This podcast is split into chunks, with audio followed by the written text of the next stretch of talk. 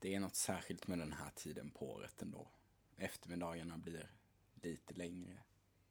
Om man vänder ansiktet mot solen så känner man att det värmer och det är liksom, det är någonting i luften. Det är någonting med det här. Det är slutspelsväder, helt enkelt. För nu är det slutspel. Välkomna till Svenska fans bandypodd, vrida och vända ur och eh, det vi kallar slutspelsspecial.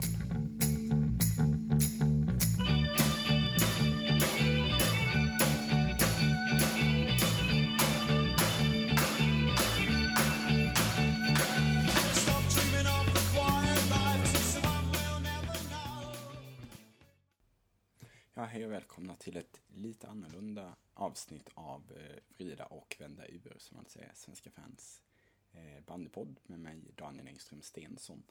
Eh, ni har förmodligen hittat hit via Svenska fans eh, hemsida eller kanske prenumererar ni på iTunes eller så har ni sett någon av länkarna på Svenska bandyförbundets hemsida.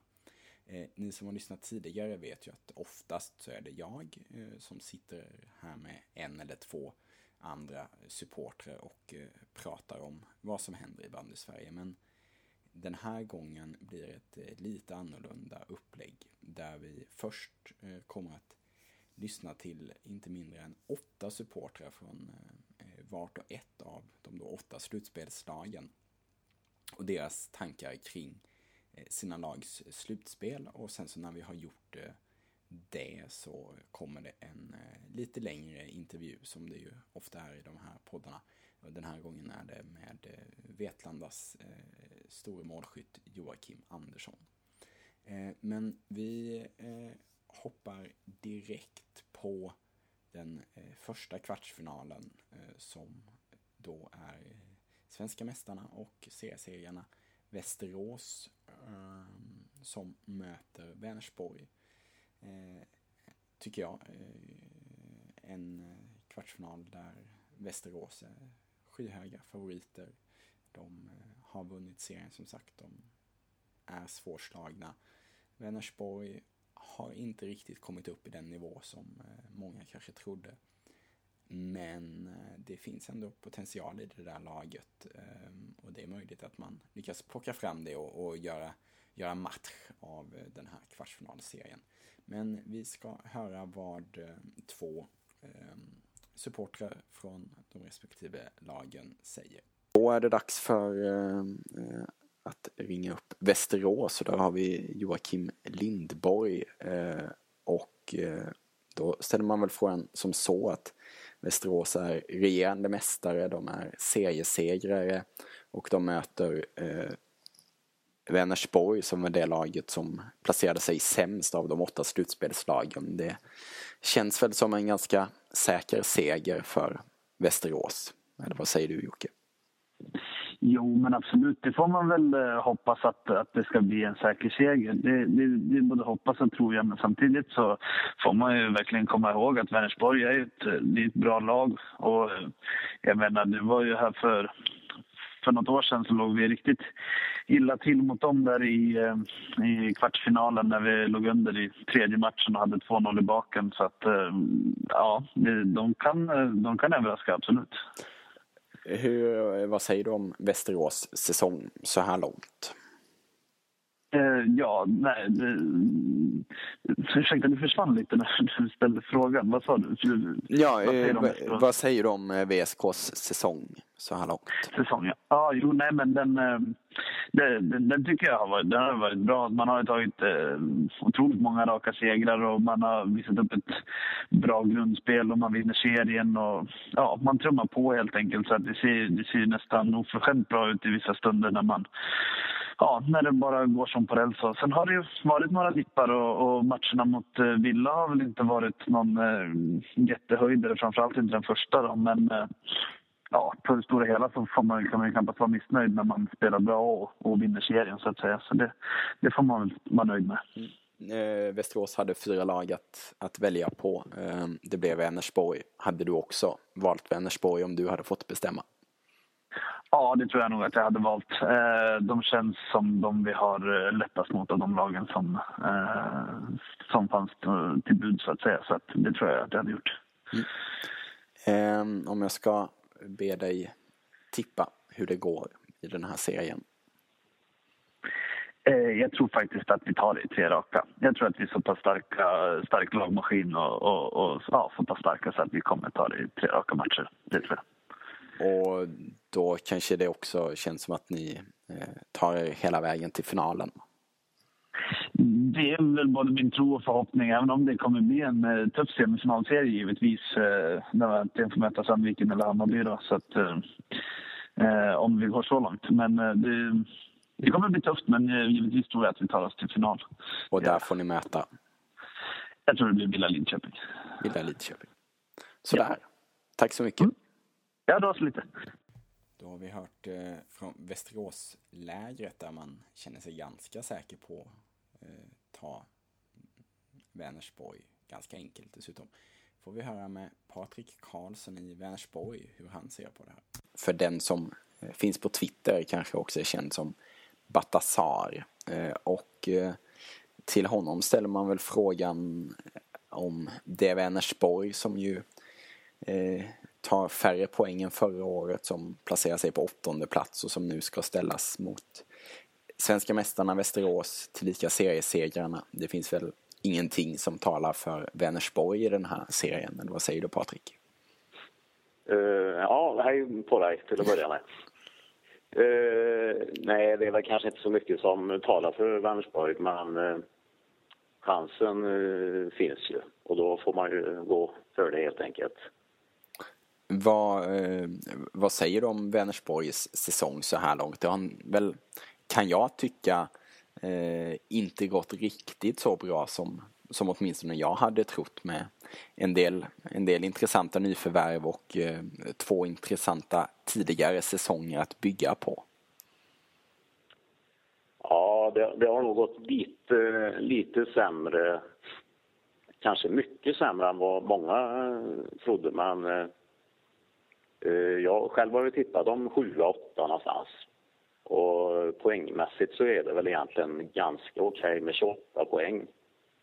Och det är väl, eh, vad är det, två poäng upp till sjätteplatsen. Mm. Men eh, ja, nej, spelmässigt har det väl kanske inte varit riktigt som man trodde på förhand. Lite för ojämnt.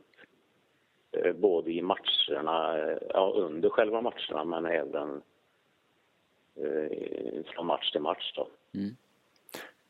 Vad, vad, vad, säger du om de nyförvärven som ju åtminstone jag tyckte var spännande, alltså Moisala och, och Felix Persson, eh, framförallt även Borvall i, i målet? Ja, alla nyförvärv har varit bra. Det är inget som liksom känns att eh, vilken konstig värvning eller något sånt utan Felix han har varit kanonbra och ung kille och tar för sig mycket direkt första säsongen, kanske mer än vad jag hade förväntat mig. Då. Och Moisala hade väl en liten tuff start, men eh, nu tycker jag han har varit riktigt bra som back. Då. Och Borvall har väl varit över förväntan, så nyförvärven har varit bra och det finns ingenting att, att klaga på där. Låter ändå som att det kanske finns lite mer att, att ta av i, i, i Vänersborg ändå. Ja, jag, tror det finns, jag tror det finns mer. Det, det är svårt att säga vad det är som inte riktigt har fungerat. Men vi, vi är väl inte riktigt lika täta som vi har varit tidigare och vad det beror på det, det finns det ju mycket åsikter om. Men det är svårt, svårt att säga vad det är. Det är någonting som... Ja, vi, vi känns inte riktigt lika trygga som, som tidigare. Man, så det finns nog mer att plocka ut, det tror jag. Och nu möter ni som sagt eh, eh, Västerås då och eh, nu var ju Vänersborg ganska långt ifrån att få välja men, men om det hade varit så att du hade fått välja mellan de fyra eh, topplagen, vilket, vilket av dem hade du helst mött då? Ja, utan tvekan eh, Villa, helt klart. Inte, inte för att de har sämre, de kanske har bäst lag av alla till och med om man tittar på namnen men jag tror att, eh, att eh, Vänersborg hade haft störst chans mot Villa. Mm. Och hur kändes det när det blev Västerås? Var det väntat? Ja, det var ganska väntat. Men jag var lite inne på att Västerås faktiskt skulle välja Hammarby. Men eh, eh, ja, Vänersborg var väl ganska väntat. Mm. De, de blev etta och vi blev ju åtta så... Ganska logiskt. Eh, ja, det är ju ganska logiskt. Hur tror du det går i den här serien om du ska ge dig på att tippa? Uh, ja, ska man tippa med hjärtat eller med hjärnan? Ja, jag, tror, jag, tror, jag tror det blir jämna matcher. Uh, och uh, Vänersborg chockar bandy-Sverige och vinner. Det låter härligt. Vilka, mm. eh, har, man, har man slagit ut eh, Västerås så är det väl raka vägen till, eh, till finalen då, eller vilka tror du möts i den? Ja, slår man ut Västerås då, då har man bra chans. Då, då blir det final, får jag väl säga då. Ja, då kanske det blir Vänersborg-Villa i finalen istället då? Det tror jag... Ja, jag tror Villa går till final, så det blir Vänersborg-Villa. Det är ju perfekt. Det blir jättespännande. Ja. Eh, tack så mycket. Ja, tack. Därmed har vi avverkat den första kvartsfinalen här, eh, som ju för övrigt tv-sänds på söndag. Och eh, efter denna V-match så eh, går vi över till den andra V-matchen som det ju blir då när tabelltvåan Villa ifrån Lidköping tar sig an Vetlanda BK och eh, då ska vi se vad supportrarna där har att säga. Och då så ringer vi eh, poddbekantingen och villasupporten David Björk vars Villa Lidköping då placerade sig tvåa i serien hade att välja mellan laget som placerade sig sjua, sexa men valde ändå Vetlanda som placerade sig femma. Ett Vetlanda som dessutom bara har vunnit två av de fem senaste tävlingsmatcherna om man räknar med Svenska Kuppen i det mot. Det låter väl lite puckat, eller? Eh, ja, eh, det, kanske det låter lite puckat. Det vet jag inte egentligen. Jag tror, jag tror inte att de eh, hade det så mycket i åtanke när de, när de valde. Utan de, eh, jag tror de valde ett lag som eh, spelmässigt passar dem eh, bra. Eh, och de valde ett lag som inte eh, geografiskt ligger för långt bort. Eh, jag tror, jag tror eh, om, man, om man tittar på de andra två lagen. det, Dels är det ju liksom de här placering 5, 6 eller 7. Det det så pass tajt mellan de eh, placeringarna, precis som det var mellan 2, 3 och 4. Eh, så hade de, de där tre lagen kunnat hamna liksom, i vilken ordning som helst egentligen. De är så pass jämna så att det, det spelar, så sätt tror jag inte att det spelar någon jättestor roll att det är just det femte placerade laget utan det är mer eh, Ja, de, de valde bort eh, Hammarby eh, för att de har förlorat båda matcherna mot Hammarby den här säsongen. Eh, och även om jag tror att de kanske skulle slått Hammarby i en fem matcher så, så, eh, så ville de inte ha Hammarby. Och när det gäller Edsbyn eller Vetlanda då föredrar de Vetlanda därför att Vetlanda spelar ett spel som passar Villa bättre. Eh, helt enkelt. Så hade du fått bestämma så hade du också valt Vetlanda? Jag hade valt Vänersborg, men eh, nu blev inte de över. Så då, Nej, precis, nu, nu fanns de inte ens att välja på. Va, va, vad säger du annars om eh, Villas säsong? De slutar tvåa i tabellen och eh, har väl gjort en ganska bra säsong? Eller vad säger du? De har eh, för, eh, skrapat upp 40 poäng, vilket är tangerat eh, klubbrekord, om man får uttrycka sig så, i elitserien. Så att eh, det kan ju inte bli annat än mycket väl godkänt egentligen. Eh,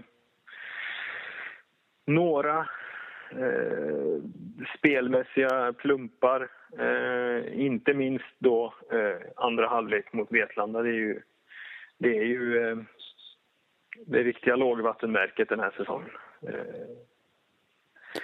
Ja, jag tänker... Så, Ja. Eh, på två spelare som, som det pratas lite extra om. Eh, det ena Johan Esplund. Hur, hur bra har förra årets man varit i år? Eh, han har varit eh, bra, men inte i ögonfallande bra kan man säga. Eh, jag sa faktiskt här till min eh, Svenska fans redaktionskollega Rasmus häromdagen att det pratas mycket om eh, Timfors och att han har svajat det sista men eh, det, som oroar mig lite grann, det är ju, eller oroar, egentligen kan man säga så här, vi har ju nästan ett sparkapital i Esplund. För Esplund har ju varit relativt osynlig efter, efter årsskiftet egentligen. Det kanske borde att, oroa Vetlanda mer? Att han... Ja, det, det, det, skulle jag tro faktiskt. Eh, och sen mm. så då Magnus Murén. Eh, som ja. jag kan känna borde oroa Villa lite. Att man behöver plocka in honom. Eller? Eh, mm, ja, alltså jag tror ju...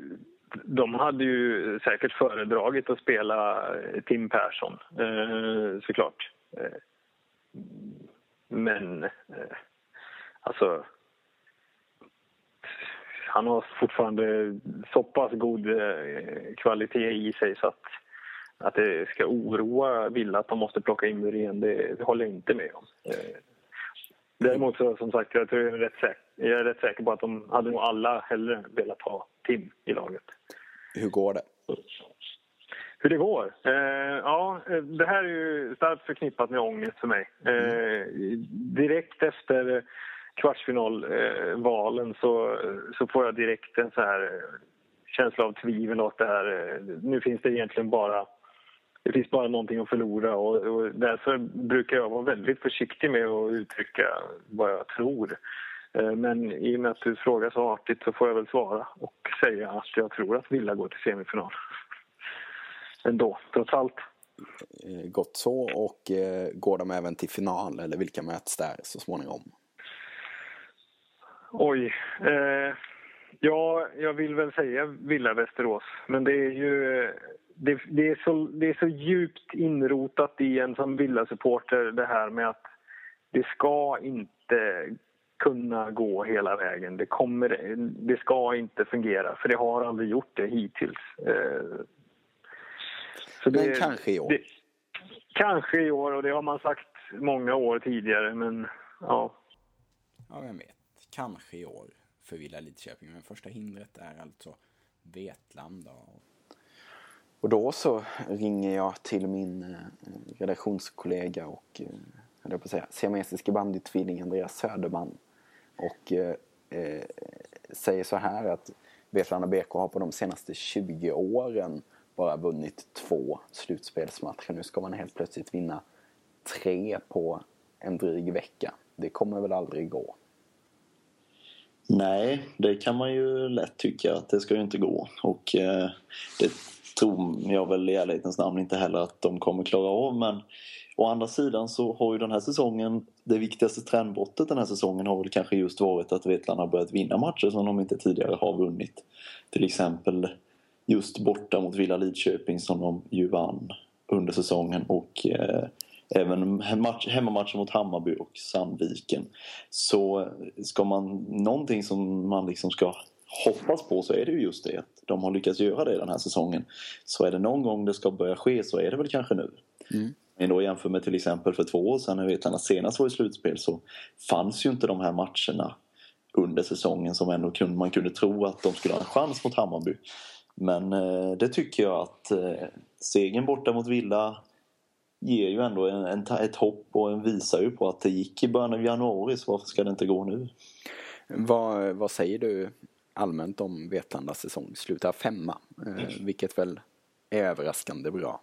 Ja, absolut. Över förväntan. Precis som jag sa här med de här matcherna som man har vunnit som man inte räknade med kanske, eller man inte ens kunde hoppas på att de skulle vinna under säsongen så har de ju verkligen gått över förväntan och gör ju sin egentligen näst bästa säsong i elitserien, sedan elitserien infördes då 2007 med en femte plats och över 30 poäng som de bara tagit en gång tidigare. Så att, nej, det är en, en säsong över förväntan där egentligen alla nyförvärv som kom in har gått in och höjt laget.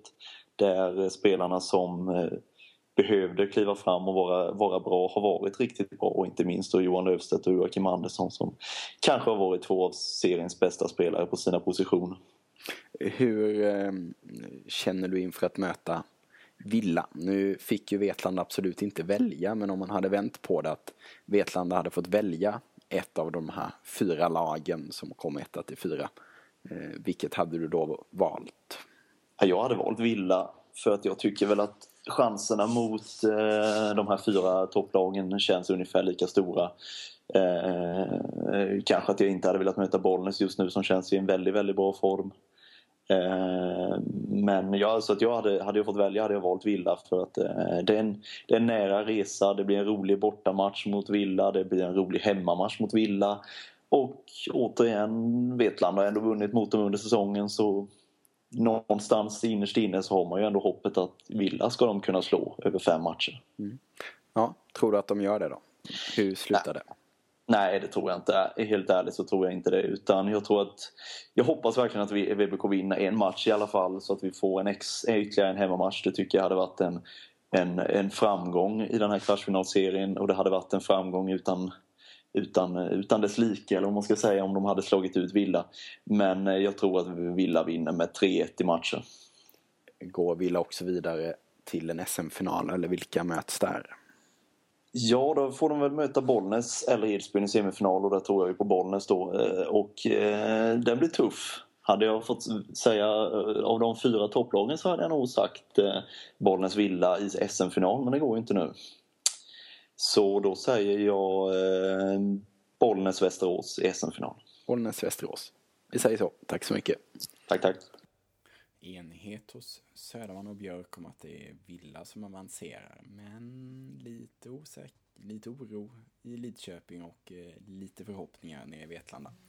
Vi tar oss eh, uppåt till landet. Då så, då tar vi oss upp till eh, Hälsingland och Bollnäs där vi har eh, chefredaktör Wikström, Thorleif, som eh, ju håller på Bollnäs. Så då eh, tänker jag som så, 15 matcher utan förlust, det innebär väl att en förlust kommer ganska snart? Ja, det skulle man ju faktiskt kunna tro. Det, det, det bör ju närma sig om inte annat. Men Ja, vi får se. Jag tycker formen har varit så pass bra och spelmässigt så ser det så pass bra ut så jag tror faktiskt att det, det kan hålla i sig en liten stund till. V vad är det som eh, har hänt? För det, det började ju lite knackigt och sen har det som sagt mm. gått oerhört bra. Ja, det började lite segt och det var svårt att göra mål och, och eh, spelet var väl i sig ganska bra men eh, hade svårt att komma till avslut, laget och så. Men sen så hände ju någonting där när Helmers flyttade upp på mitten och eh, Marcus Ståhl gick ner på högerhalven. Så att, eh, efter det så blev det en helt annan eh, spets på hela laget. Fler passningar fram till anfallare och ja, det var mycket det som gjorde att det blev en förändring i, i truppen. Så. Spelmässigt så tycker jag att alla också har höjt sig väldigt mycket efter det. Varför, det är lite svårt att säga, men det kan ju vara för att man äger mer boll och det, det, det blir lite, man skapar lite mer. Mm. Eh, Bollnäs hade ju då valet att antingen eh, möta det ganska formsvaga Hammarby som eh, Bollnäs eh, nyligen besegrade på Zinkensdamm eller ta Hälsingederbyt mot Edsbyn och de valde Edsbyn. Mm. Är det ett val som du också hade gjort om du hade fått bestämma? Ja, det är det faktiskt. Eh, om man tittar på traditionen så har ju Bollnäs haft väldigt svårt mot Hammarby under många år. Det var ju första gången på över tio år som vi vann där nere på Zinkensdamm. Och även hemma har vi haft svårt att vinna. Det har hänt någon gång men det har varit lite mer betydelselösa matcher som vi har vunnit.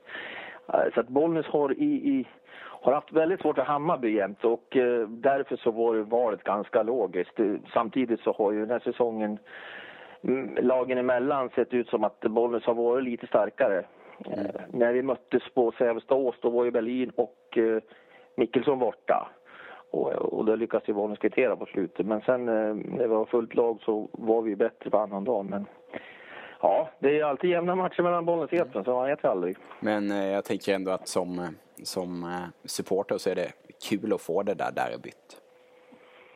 Ja, det är det faktiskt. Jag tror både publikmässigt så blir det ju riktiga bandyfester och, och jag tror det behövs här i Hälsingland ibland att Bollnäs och Edsbyn möts i slutspelet för att få upp uh, ja, kanske mer folk till arenorna ändå. För vi, det har varit lite klent ändå på, på, i slutspelarna. Mm. För att det är många som många vill ha de här derbyna och det är inte ofta vi får chansen. Och nu, nu blev det så, så jag hoppas att publiken verkligen ställer upp nu. Yes. Hur tror du det går då? Ja, det, som det ser ut så är Bollnäs lite starkare just nu i, genom hela laget. Men derby är det derby och det har jag sagt förr när, när Bollnäs har haft lite sämre lag än Edsbyn så har Bollnäs ändå pressat Edsbyn. Nu kan det bli tvärtom och första matchen kommer bli oerhört viktigt. Skulle Edsbyn ta den, då kommer det smyga sig på nerver och då ska inte Bollnäs vara alltför säker. Så att första matchen tror jag blir ett riktmärke lite grann hur det kommer att gå. Och till slut så går det? Ja, alltså så jag måste gå efter dagsformen och då tror jag Bollnäs vinner. 3-1 matcher borde det kunna ligga på, eller 3-2. Det kan bli det kan bli väldigt jämnt. Det kan bli fem matcher också. Mm. Men jag tippar 3-1 så här just idag i alla fall. Ja. Formmässigt. Mm. Och vilka två lag möts sen i finalen? Ja, det var en svårare fråga. Men jag tror faktiskt... Jag vill först säga att Hammarby tror jag kan bli farlig mot Sandviken och de får vi inte räkna bort för de kan bara gå rätt upp nu. De har egentligen ett jättebra lag på pappret. Västerås har också ett bra lag men jag tror de kommer att kämpa mer än många tror. Sen tror jag Bollnäs och Villa såklart är ju de också utmanare så det är väldigt tufft. Jag får väl dra till med en gissning och då gissar jag faktiskt på Ja, jag gissar på Västerås-Bollnäs i final. Jag måste yes. göra det efter det jag sett på slutet. Men det är ju lite färgat också såklart. Ja, som det ska vara. Fint. Ja, som det ska vara. Tack så mycket. Nu när jag är med i lite så här, får vara lite neutral jag också. Precis.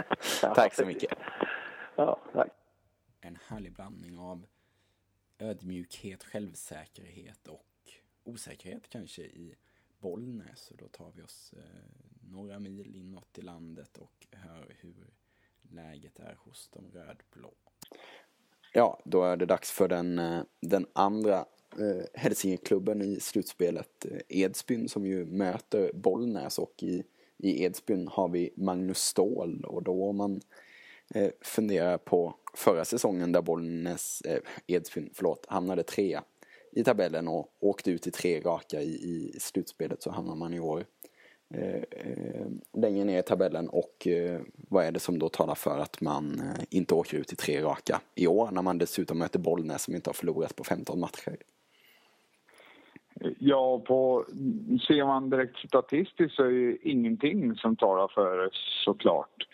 Eh, samtidigt så var det ju raka motsatsen även i fjol så att säga. Vi gick som tåg nästan under grundserien slutade på en tredje plats var det väl och ja, allting såg jättebra ut och då var det morsning korsning i slutspelet. Mm. Nu är det lite grann, ja, nu får vi ta det från andra hållet. Mm. Får vi göra det bästa av den situationen. Va, vad säger du om, om Edsbyns säsong? Vad, vad beror det på att det ändå har gått lite tyngre i år?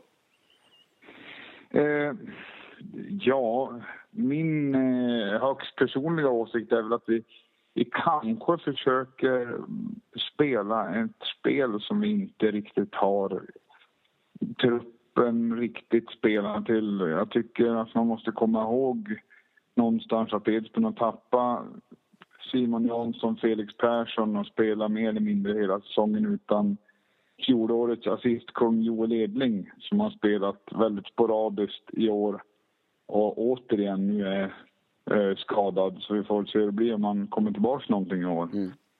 Eh, det är ganska stora tapp och ja, det är väl det som är huvudorsaken anser jag själv i alla fall. Mm. Hur, känns det, hur kändes det att bli, bli vald av ärkefienden Bollnäs? Eh, ja, för det första så trodde jag absolut att både Västerås och Villa skulle välja Edsbyn när de fick chansen så att säga. Mm helt säker på att vi skulle få åka till Västerås. Så därav är jag lite förvånad. Sen när det väl hamnade hos Bollnäs och valet blev deras så att säga, då var jag ganska säker på att de skulle välja Edsbyn. Resorna är viktigt i slutspel, i kvartsfinalen. Det har vi ju sett många, många gånger förut att eh, många prioriterar en kortare resa när det är tätt mellan matcher och sånt eftersom resorna tar ganska hårt på spelarna tydligen. Det måste ju bero på det. Mm. Eh, sen så får man se det som att det, utmaningen är ju rätt läcker. Det, vi har ju allt att vinna och Bollnäs har allt att förlora. 100 procent av pressen ligger hos Bollnäs. Mm. Ett lag i nedgång mot, eller ja, gått som tåget på slutet. Edsbyn har absolut inte gjort det för att vara lite snäll i orden då. Precis, men ja, då ligger all press hos dem. Ja, skönt att vara underdog men också kanske jobbigt, och, jobbigt att tänka tanken att det just är Bollnäs som ska avsluta säsongen för ja, Edsbyn. Det är alltid fruktansvärt, så är det. Alltså, vi är ju vi är uppväxta i Edsbyn med att tycka illa om Bollnäs vad det gäller bandy. Vi är uppväxta med att Bollnäs ska ha stryk sju dagar i veckan. Var till och med Sören Persson som länge var sportchef för Bollnäs som myntade det uttrycket i Edsbyn att Bollnäs skall ha sju, stryk sju dagar i veckan. Så det är väldigt mycket derbykaraktär och stora sådana känslor över det hela. Samtidigt är det häftigt också. Alltså. Mm. Hur tror du att det går då? Eh, jag brukar ju liksom försöka smita undan och tippa. Det är liksom inte min grej, för jag har aldrig varit en bra tippare. Jag vinner aldrig på tipset om man säger så, men allting annat än 3-0 till Bollnäs är ju konstigt på något sätt på förhand. Men derby, derby och det som talar för Edsbyn är att vi brukar alltid vara bättre på plan i derbyna. Sävstaås är något större is än vad vi har i arenan på ön och sådana saker och det brukar faktiskt gynna oss. Mm. Statistiskt så tror jag vi har flest bortasegrar Alltså, och Bollnäs också har ju flest bortasegrar i derbyna såklart. Just det. Så... I och med att jag säger så va? Ja. Och i och med att de har hemmafördelen så får vi får välja vända det till våran fördel då. Vilka två lag tror du till slut möts i SM-final? Eh, jag tror alltid på Edsbyn på något sätt. Det måste man göra som inbiten supporter. Men eh, ska man tänka med hjärnan så Västerås spelar SM-final. Västerås kommer också vinna SM-guld. Jag är framförallt mest imponerad av Västerås och jag tror nog att de möter, eh, jag får säga Villa då. Mm. Men lite varning för, jag tycker Vetlanda spelar en som Vetlanda spelar i år har jag aldrig sett dem spela och då har jag ändå följt med banden ganska länge. Jag tycker att Vetlandas sätt att spela bandy på är väldigt trevligt och jag hoppas att det kan bära lite frukt. Ja, eh, vi säger så. Tack så mycket. Ett derby är ett derby och jag antar att fem derbyn också är fem derbyn.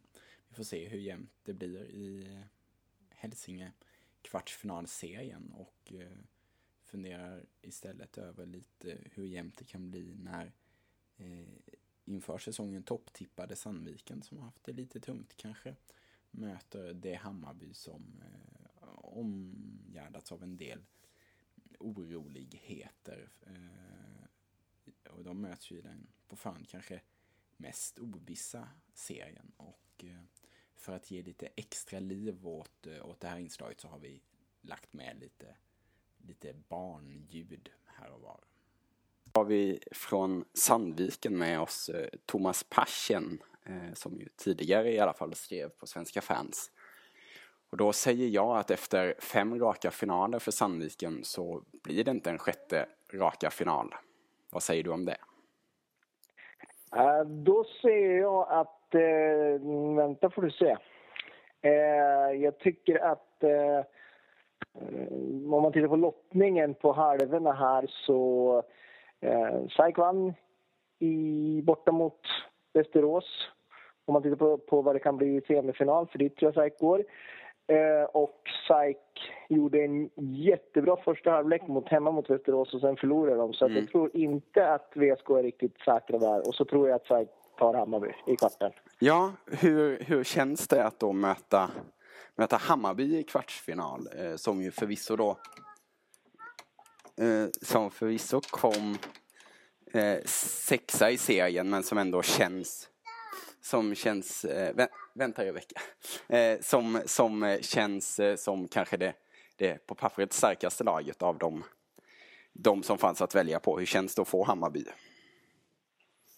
Det brukar alltid bli rolig bandy när det är SAIK och Hammarby. Nu är det två, det är två kryss i år.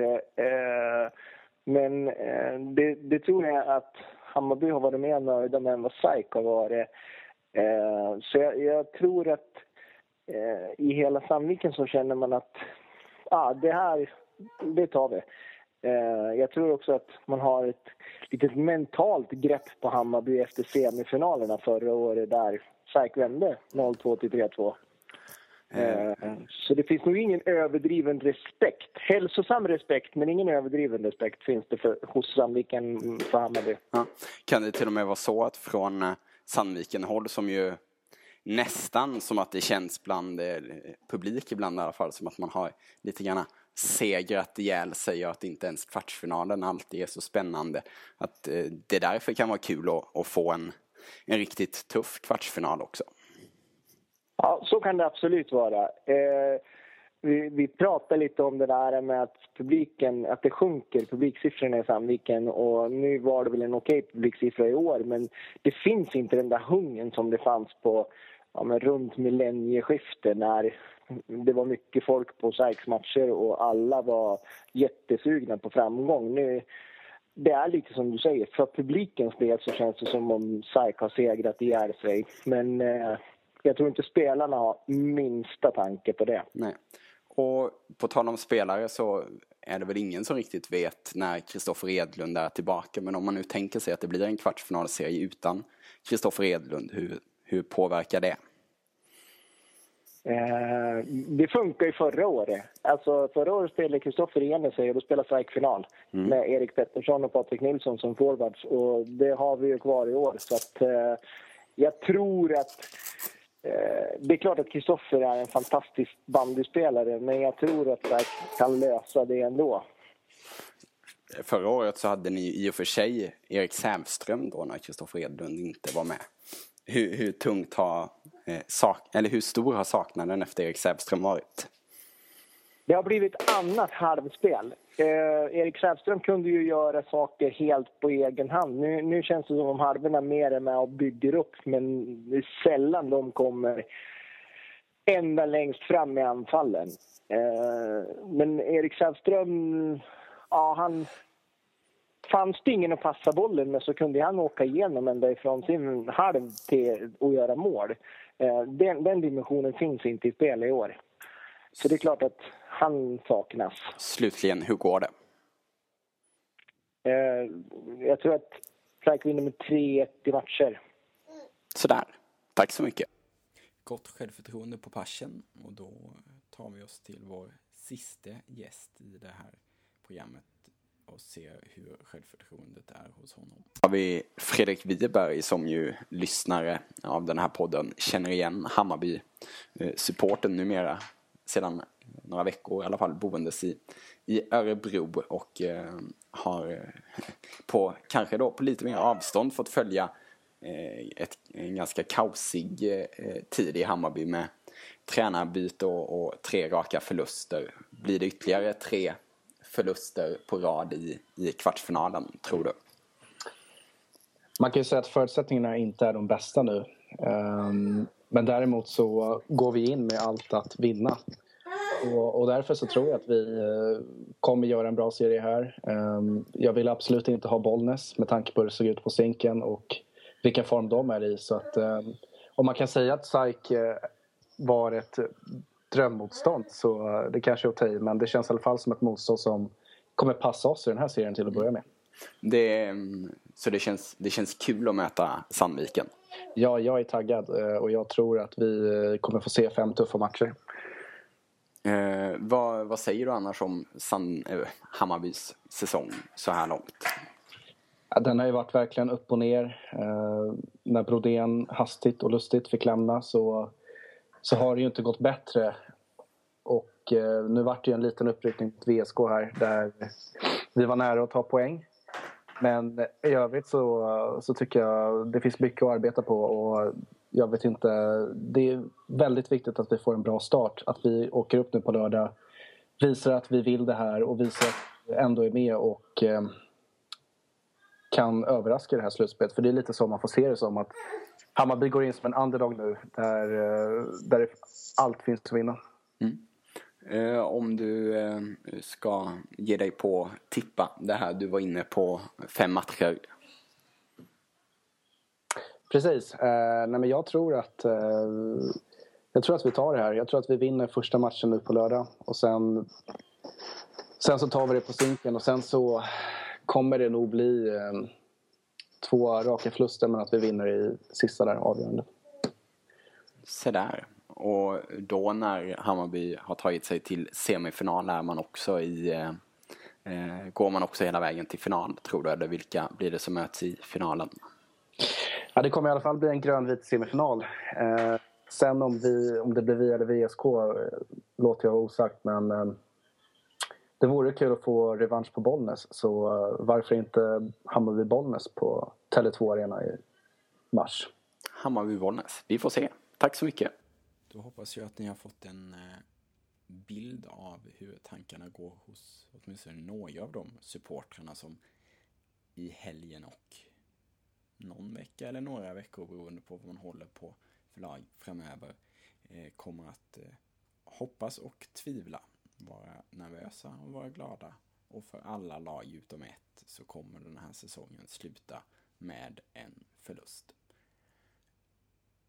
Vi kommer eh, nu eh, lämna över till en intervju som jag gjorde med Vetlandas anfallare Joakim Andersson här för någon dag sedan. Eh, och eh, i den här intervjun så kommer han bland annat att prata om vad det är som kan göra Villa Lidköping lite oroliga varför det är bra att skjuta lågt på straffar när isen är lite dålig och om varför han valde att Eh, skriva på för två nya år med moderklubben Vetlanda BK. Tack för att ni har lyssnat. Här kommer ljudet.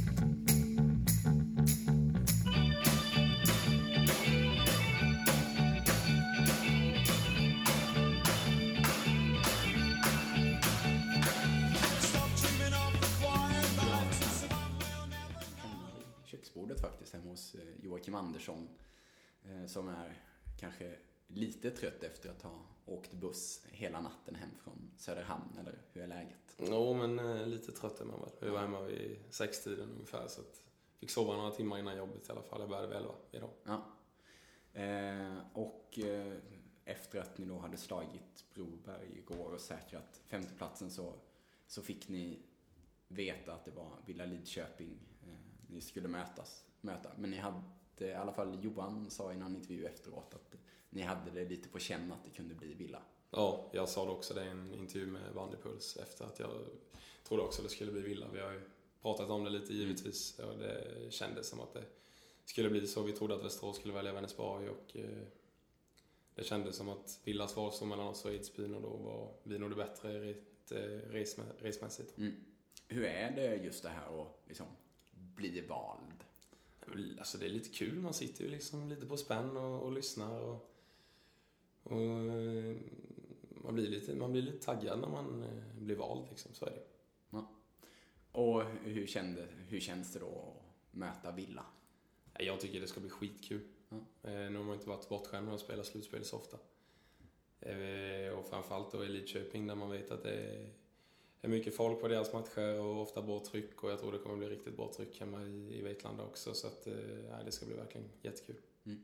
Och två matcher som ni har mött Villa, eh, den här förlorade hemma, ändå ganska Villa var bättre där får man väl säga. Ja, det tycker jag. Hyfsat igen eh, första halvlek. Båda lagen har rätt svårt att skapa chanser, bra defensiver men de får in några mål och sen tycker jag de kontrollerar matchen ganska, ganska komfortabelt den matchen. Mm. Och de är ganska villa i år. De, de, är ganska, de är bra bakåt. De håller ganska mycket i bollen och eh, liksom, det är inte, man, man får inte låna bollen så, så ofta. Nej, känsla. precis. Det har varit, förr, förr i tiden har man, det har varit lite mer Hawaii när man har mött dem kanske. Men de har absolut vassat till sin eh, defensiv och det, det är tätt där. Mm. Och sen så eh, den där matchen i Lidköping som ju, ja, där ni vann andra halvlek med med 6-1 och, och vände då 0-3 till 6-4. Vad, vad, säger du om den matchen? Ja, det var en, en häftig match. Eh, de är ju klart bättre än oss i första halvlek. Sen eh, får väl matchen lite dit vi vill i andra. Vi har en bra tät defensiv och sen eh, lyckas vi få in eh, några mål och de blir väl lite, lite vad ska man säga, lite oroliga eller vad som mm. de, får, de får inte in något mål liksom och det, då brukar ju kunna göra dem lite, lite griniga så. så vi fick matchen åt det hållet vi ville och vi har en riktigt bra andra halvlek så jag tyckte ändå vi förtjänade att vinna mm. matchen. Mm. Och hur mycket, hur mycket av de här två matcherna och även den matchen i, i Svenska Cupen som ju förvisso då bara var 2 gånger 30 men där ni spelade oavgjort. Hur mycket av dem liksom tar man med sig in i slutspelet eller är det helt nytt? Nej men givetvis blir det väldigt nytt i slutspelsmatcher men eh, samtidigt är det ändå skönt att ha med sig att vi har slått dem tycker jag det känns ändå bra. Eh, vi har spelat bra matcher mot dem både. Jag tyckte ändå vi gjorde det hyfsat bra hemma liksom. Och Svenska cupen, träningsmatchen var Det var ju bland de första matcherna i och för sig, mm. men då tyckte jag ändå också vi gjorde det bra och vi gjorde det bra där uppe. Så det känns ändå som att det är kul att ha spelat bra matcher mot dem. Mm. Och vad är det man, vad är det ni behöver göra för att kunna, kunna störa dem? De är ju ändå stora favoriter får man väl säga. Jo, självklart är det så. Och eh, grunden är ju att vi måste sätta vår defensiv helt klart det kommer inte kunna gå att släppa in fem, sex mål eh, mot dem, liksom, då, då kommer vi inte vinna några matcher. Så att, eh, ja, grunden blir absolut att sätta defensiven. Ja, om du skulle ge dig på ett, eh, tips då? Nej, jag, tror, jag, jag måste ju tro på oss. Ja. 3-2 i match hade varit coolt. Ja. Vinna sista Lidköping. Vinna sista Lidköping. Bra. Om vi går över lite då.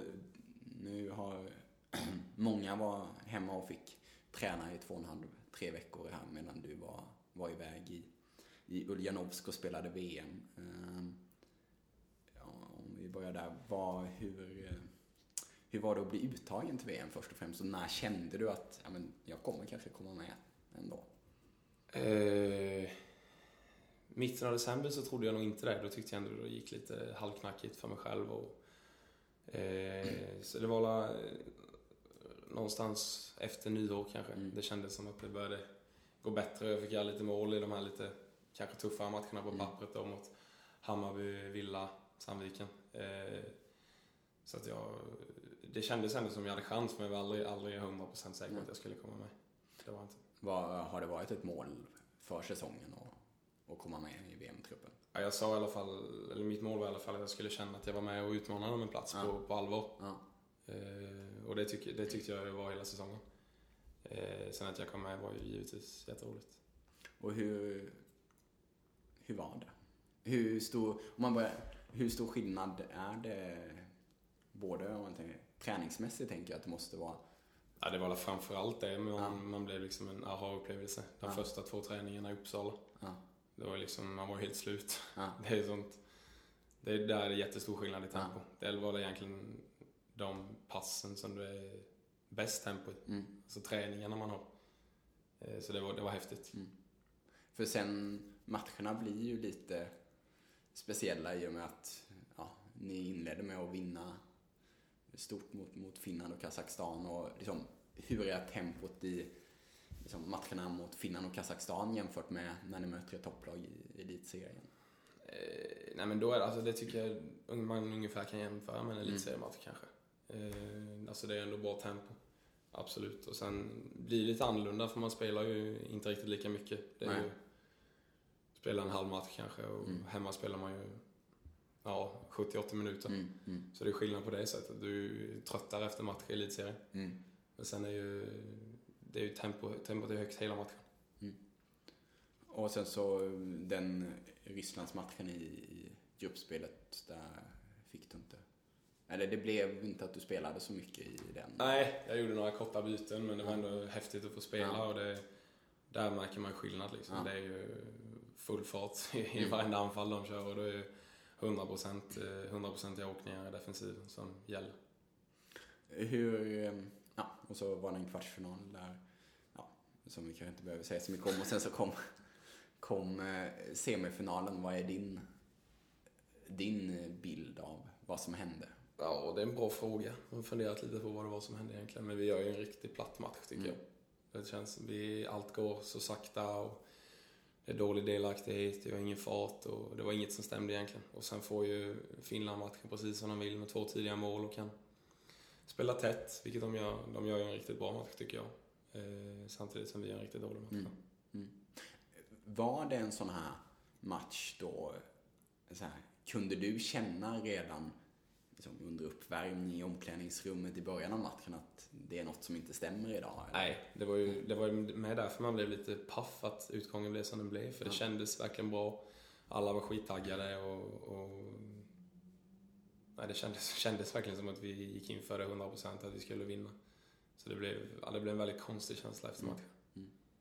Och, och vad var det, var det liksom den här, vad ska man säga, besvikelsen över att förlora mot Finland eller var det besvikelsen över att gå miste om den här finalen som jag antar att du också hade ja, liksom, nej, tänkt på? Framförallt det, att missa ja. finalen. Där hade man ju byggt upp en skön känsla om 15 000 på läktaren och bra förhållanden och möta ryssarna i en final. Mm. Det, det, alltså, det är ju en stor dröm man har haft. Mm. Så det var ju med det liksom, att man inte mm. fick spela finalen. Sen att man förlorade mot Finland, det var ju också, men det, just att man missade finalen, det var ju mm. det som var det tunga. Mm. Hur har det varit att kommit hem sen? Det är ju tätt med matcherna där borta och, och inte jättelång men ändå lite resa och sådär. Har det... Ja, vi hade en jobbig hemresa. Ja, okay. det tog 18 timmar tror jag att flyga hem eller någonting. Ja, vi hade ja. lång väntan i Moskva och så var vi nere i München en sväng och sen hem. Nej men det var skönt att komma hem tycker jag. Ja. Börja spela med laget igen. Ja. Var, liksom, kände du dig sliten på något sätt eller? Nej, inte egentligen. Eh, man, spelar, man tror att man kanske blir riktigt sliten i och med att man spelar varje dag. Men mm. Det är en, en skillnad att spela där, för du spelar ju som jag sa innan då inte 80 minuter per match. Nej, utan nej. Jag har ju spelat kanske i snitt 30 minuter per match. Mm. så att sliten så känner jag inte att jag har varit efter. Och, och, sen så, jag tänkte att vi kommer in och prata lite mer om, om dig och eh, egentligen ganska snart efter att du kom hem så blev det i alla fall offentligt att du, du har förlängt med, med Vetlanda BK. Hur, hur gick tankarna där och när, när bestämde du dig för att du ville köra två år till i Vetlanda? Nej, jag har haft en bra dialog med Vetlanda hela året. Eh, sen sa jag ganska tidigt att eh, jag vill ha en ha säsongen på mig liksom, och mm. tänka och, och, få en känsla av hur, hur, eh, hur det känns och hur, eh, vad Vetlanda vill och, och så om det känns som att vi har något bra att bygga på. Och eh, det har lagts fram mer och mer. Sen givetvis blev det... Vi gjorde ju riktigt bra matcher där ett tag i, mm. i, i, januari. Eh, och det stärkte väl eh, oddsen givetvis. Och sen har jag haft en bra dialog med Johan hela tiden, vad han har velat göra och, mm. och lite så.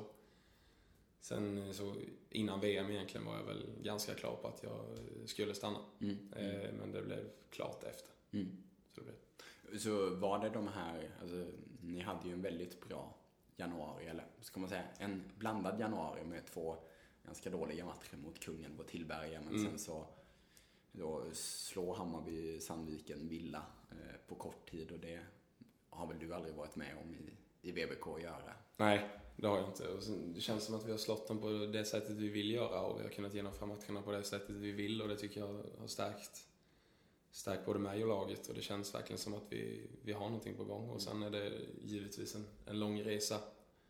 Eh, så är det Vänersborg tog ett kliv för några år sedan men de har mm. fortfarande inte gått längre än kvartsfinal så att det, det är en lång resa att göra men jag kände ändå att jag vill vara med på det. Mm. Hur är det att eh, liksom, under säsong också ha det där och fundera på, jaha, ska jag, ska jag vara kvar här? Och jag antar att det är, det är andra som liksom, hör av sig och, och vill att du ska, ska prata mer med dem och liksom, är det är det svårt att hålla det där i, i huvudet samtidigt? Påverkas man något av det? Ja, lite påverkas man nog. Sen försöker man väl inte tänka på det så mycket. Och jag har ändå varit rätt klar med, med Vetlanda att jag vill ha säsongen på mm. mig. Så att, mm.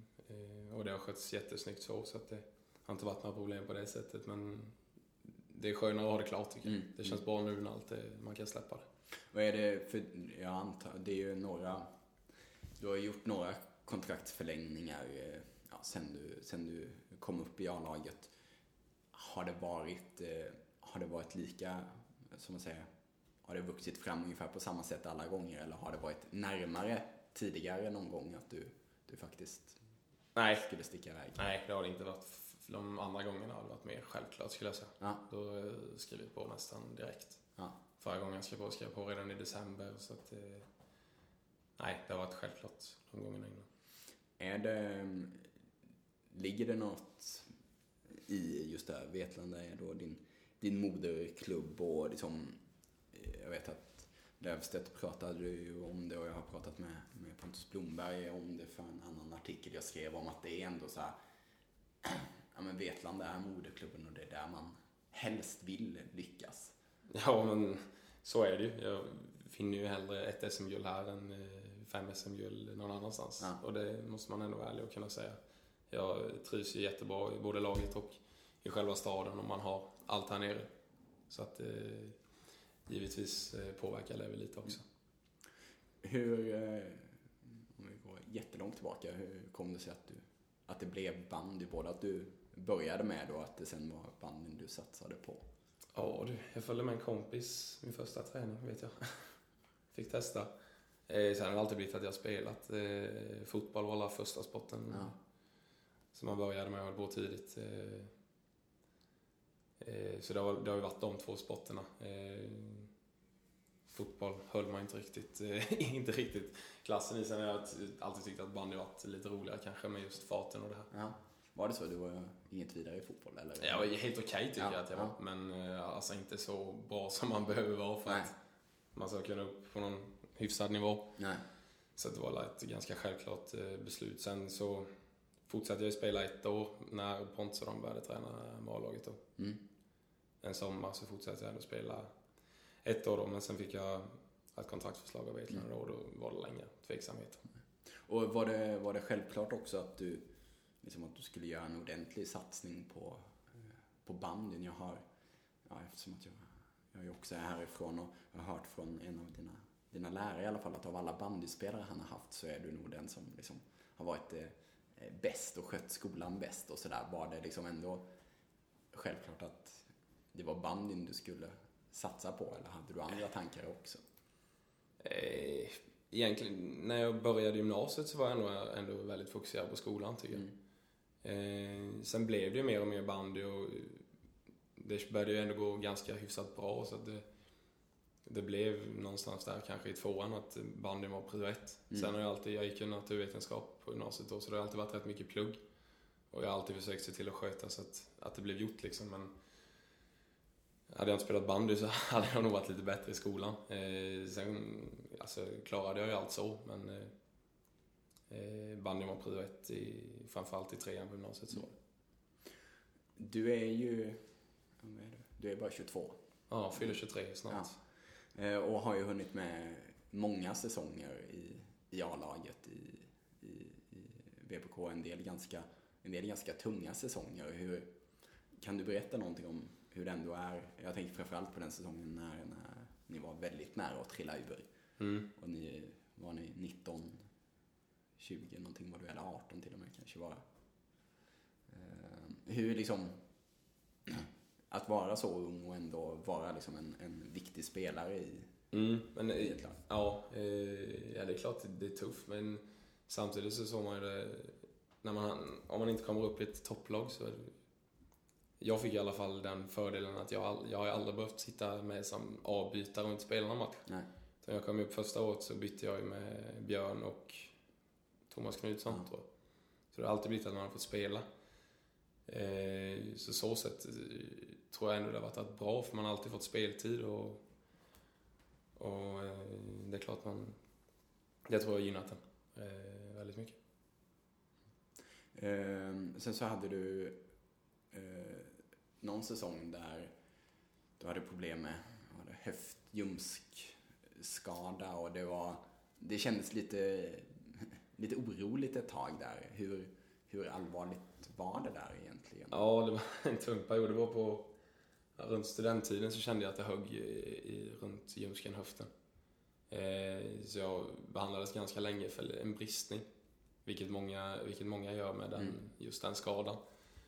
Eh, sen blev det lite bättre och då hade jag flyt. Vi hade ju Agne Bergvall och PK som hjälpte oss på den tiden då. Så det var, fick snabb hjälp och in på röntgen i, i Göteborg. Och eh, då hade jag pålagringar på höftkulan då.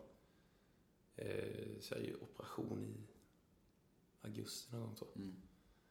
Eh, en väldigt bra rehabilitering. Ska ta minst tre månader säger de. Jag spelade min första match efter knappt två. Så att, Mm.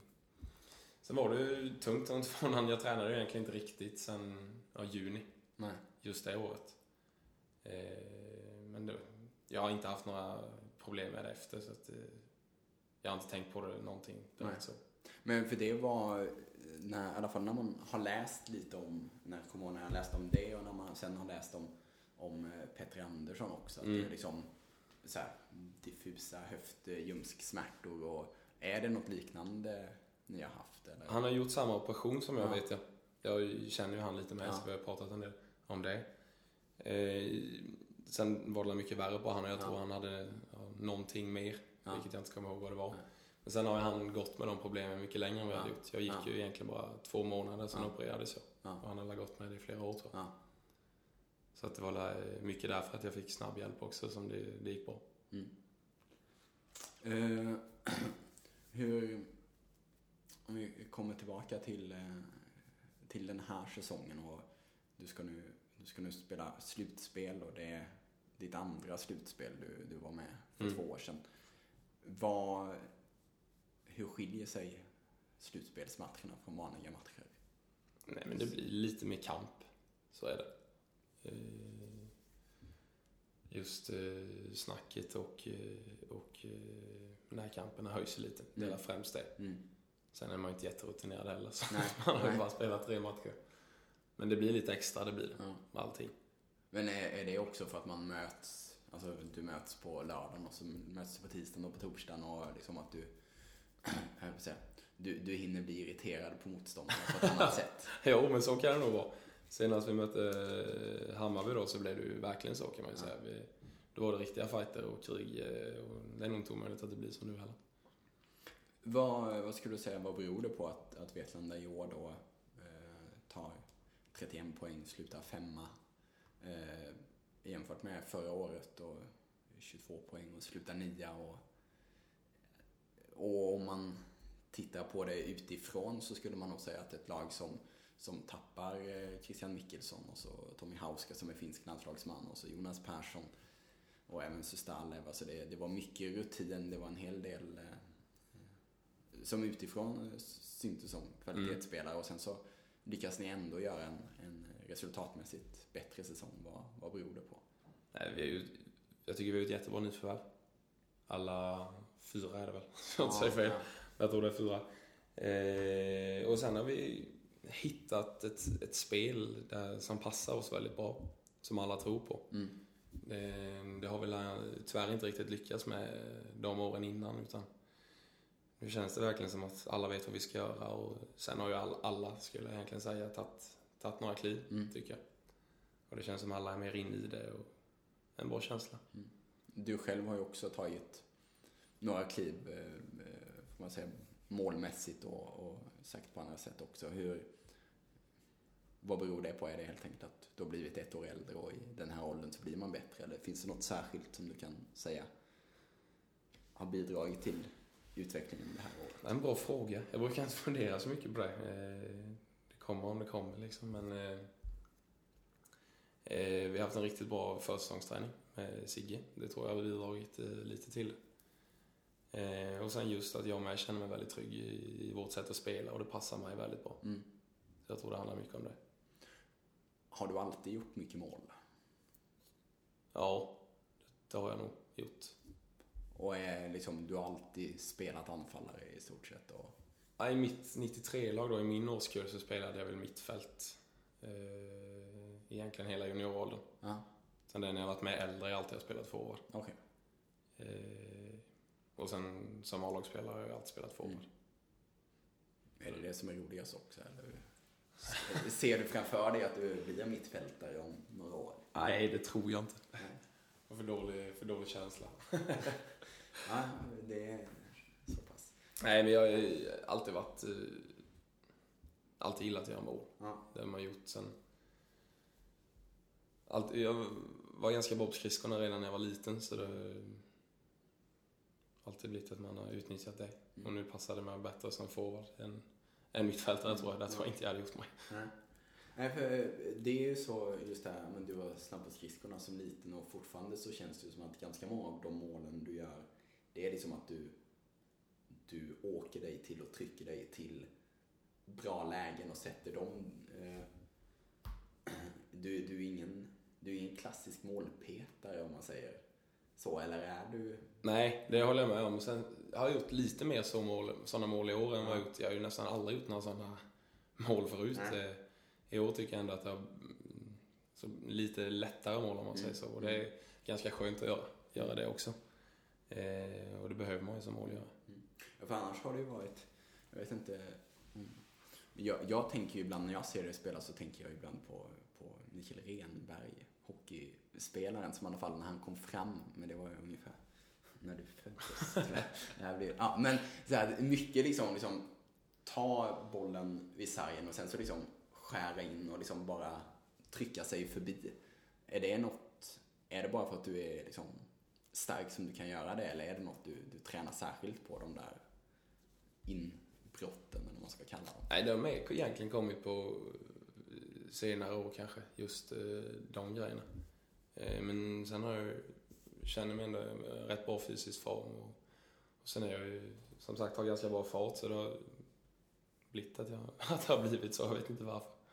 Eh, du pratade en del om lite enklare mål och det som har hänt sista, aj, sista delen av den här säsongen är att du har börjat slå straffar också. Mm. Det började med den där petstraffen i Lidköping. Mm. Hur, ska du berätta något om den?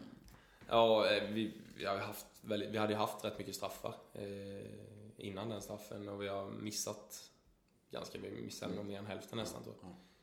Så eh, jag och Johan hade pratat om att vi skulle göra den där eh, straffen, tre, fyra matcher kanske. Mm. Sen blev det inte riktigt läge. Vi hade någon straff uppe i Kalix där det var eh, lite sämre is och sådär, så då valde vi att slå. Sen tyckte vi det var lite kul att testa. Ja. Hur, liksom, hur, stor, hur stor risk är det att göra en sån? Den, när den sitter så känns den ju jättesäker. Ja, nej men just, just den straffen då så var ju villaspelarna absolut inte med. Nej. Så då kändes det ganska lugnt. Hade de stått taggade så kanske man hade sagt till honom och skjut ja, nu istället. Ja, ja. Men det var ju så jätteöppet läge så var, mm, så sätt var det lugnt. Och sen så har du, när ni fick andra straffen där så gick du fram själv och, och slog in den och sen har det, har det fortsatt så. Ja. En sak som jag funderade på är efter, efter Hammarby-matchen hemma som Vetlanda vann med 5-4 efter att du slog in en straff alldeles i slutminuten så sa du till, jag vet inte om det var Vetlanda-Posten eller vad det var, att, ja, men, att eh, Jonas Klasen hade sagt åt dig att eh, om, om det är dålig is när du ska slå straffen så slå den lågt. Mm. Och jag fattar verkligen inte varför ska man slå en straff lågt om det är dålig is? Nej, han pratade om att det, var, det är lättare att få eh, en, en bra bollträff om du slår den lågt än om Okej. det är lite dålig is. Ja, Så det var därför vi pratade Det om därför. Ja. ja för annars så känns det ju liksom ologiskt Ja. att slå den lågt på Ja, den det dåliga förstår jag. isen. Men det var just om, om själva bollträffen Ja, ja. pratade. Ja, vad, är det man, vad är det man tänker när man står där? Är det att träffa bollen så bra som möjligt eller vad, vad, vad tänker du på? Nej, den första straffen jag slog Villa när jag skulle skjuta så var jag jättenervös. Ja, ja. det var jättejobbigt. Ja. Hög puls kände jag med att jag fick och sådär och då var det bara fokus på att försöka träffa bollen.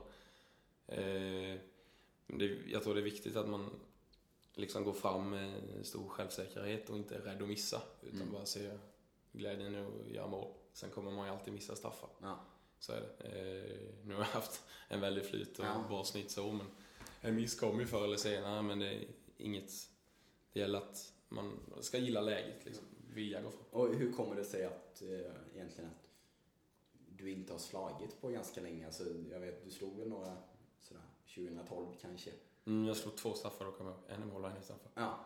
Och, för du är ju ändå liksom målskytt och, och har ju uppenbarligen målsinne. Ja, precis, men är, jag tycker själv att jag skjuter rätt dåligt. Ja. Och vi har alltid haft eh, spelare som skjuter mycket bättre än jag själv gör. Så det är därför och, eh, det inte har blivit att jag har skjutit. Sen är jag inte, för, förr, så innan jag började skjuta nu då, så har jag inte gillat läget riktigt. Nej. Eh, men nu tycker jag det är häftigt, häftig känsla. Bra. Ni har ju fått ganska mycket, eller fått, ni har skapat Ja. mycket straffar eller hur, vad man nu ska säga. Ja, Vad, vad beror det på? För det är ju, det är så här, jag vet att förra året så var det väl, jag tror Vänersborg som fick otroligt mycket Mm. straffar och då var det just att de, de åker mycket och åker in i, i röten och då får man straffar. Är det, vi har, jag tycker vi har väldigt många bra genombrottsspelare. Ja. Eh, och vi skapar mycket lägen än straffområdet vilket gör att det, det blir mycket, mycket straffar. Det, jag tror det har mycket med att göra att vi har många som är bra på att ta sig in med bollen själv i straffområdet. Bra, eh, tack så mycket. Eller, jag säger naturligtvis lycka till i, Ja. i, i, i, slutspelet. Så Tack ska du ha. vi se hur det går. Tack för att jag fick prata med dig. Tack själv.